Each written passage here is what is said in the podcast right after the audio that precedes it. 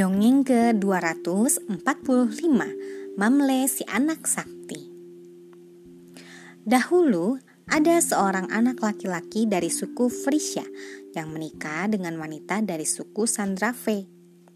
Dari pernikahan itu lahirlah bayi laki-laki bernama Mamle. Mamle artinya orang sakti. Tak lama kemudian ayah Mamle meninggal dunia Kini Mamle hanya tinggal bersama ibunya. Mereka pun memutuskan pindah ke Molsase. Mamle tumbuh menjadi anak yang rajin. Dia selalu membantu pekerjaan ibunya. Suatu hari ibu Mamle membuka ladang baru. Mamle pun membantu sang ibu dengan menebang pohon menggunakan kapak batu. Tanpa terasa, hampir semua pohon tinggi sudah ditebang. Kini tinggal satu pohon lagi, yaitu pohon minggian. Dengan rasa semangat, Mamle memanjat pohon minggian hingga pucuk. Melihat hal itu, sang ibu sangat cemas. Mamle, turunlah nak, teriak ibunya dari bawah pohon. Mamle yang mendengar suara ibunya segera melompat dari pohon. Hal aneh pun terjadi. Mamle tidak terluka sedikit pun ketika melompat dari pohon yang sangat tinggi.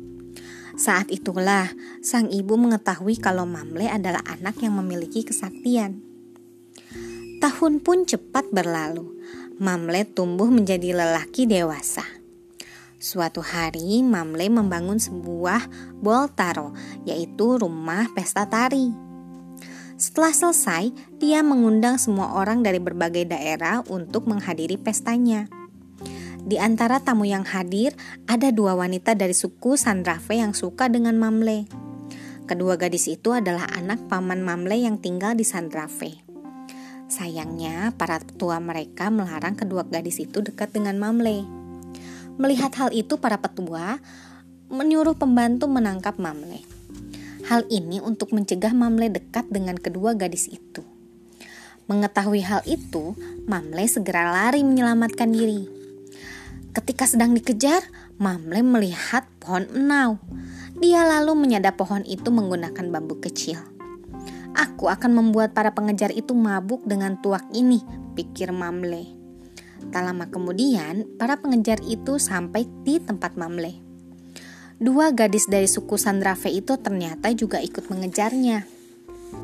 Wahai saudaraku, sebelum kalian membunuhku, bagaimana kalau kalian minum tuak dulu? Tuak ini sangat lezat, kata Mamle. Tanpa rasa curiga, para pengejar itu minum tuak pemberian Mamle. Ketika tuak hampir habis, Mamle menepuk bagian bawah bambu. Ajaib, bambu itu kembali terisi tuak. Para pengejar Mamle pun mulai mabuk. Melihat hal itu, Mamle segera membuat jurang dalam di sekelilingnya. Ketika para pengejar sudah kembali sadar, mereka tidak bisa membuat apa-apa. Mereka sudah terkurung di dalam jurang yang dibuat Mamle. Kemudian Mamle mengubah dirinya menjadi seekor burung layang. Orang yang tunduk padanya akan diselamatkan, sedangkan orang yang tidak tunduk akan ditinggalkannya di jurang itu. Mereka akan dibiarkan kelaparan dan menjadi batu. Ternyata dua gadis dari suku Sandrave itu ikut mati dan menjadi batu. Konon, batu itu sampai sekarang masih ada di jurang tersebut. Batu itu di, dikenal dengan nama Batu Sitri, yang berarti tempat hati tertambat. Setelah peristiwa itu, Mamle pergi mengunjungi bibinya di Meibat. Saat itu bibinya sedang mengadakan upacara pernikahan. Di tengah perjalanan, dia mengangkat dua buah gunung yaitu Gunung Gilo dan Gunung Tles. Gunung itu diikat menggunakan tali delimit yang dipanggul di pundaknya. Bekas kedua gunung itu kemudian membentuk dua telaga berwarna biru. Di dalam telaga itu hidup berbagai macam ikan air asin. Setelah sampai di Meibat, Mamle meletakkan kedua gunung itu di dekat pohon kara. Setelah itu, Mamle mengunjungi bibinya. Di sana, dia menikmati pesta dan makan hingga kenyang. Setelah pesta usai, Mamle melanjutkan perjalanannya. Tidak lupa dia mengambil kembali kedua gunung itu dan meletakkannya di sebuah ladang. Hingga kini, kedua gunung itu masih dapat kita lihat. Seiring waktu berlalu, ibunda Mamle meninggal karena sakit. Sejak saat itu Mamle pergi dari desanya dan hidup mengembara. Jika ada waktu luang dia pergi ke Srit untuk mengajarkan budi pekerti. Mamle datang ke Srit memakai dua buah batu datar sebagai alas kaki.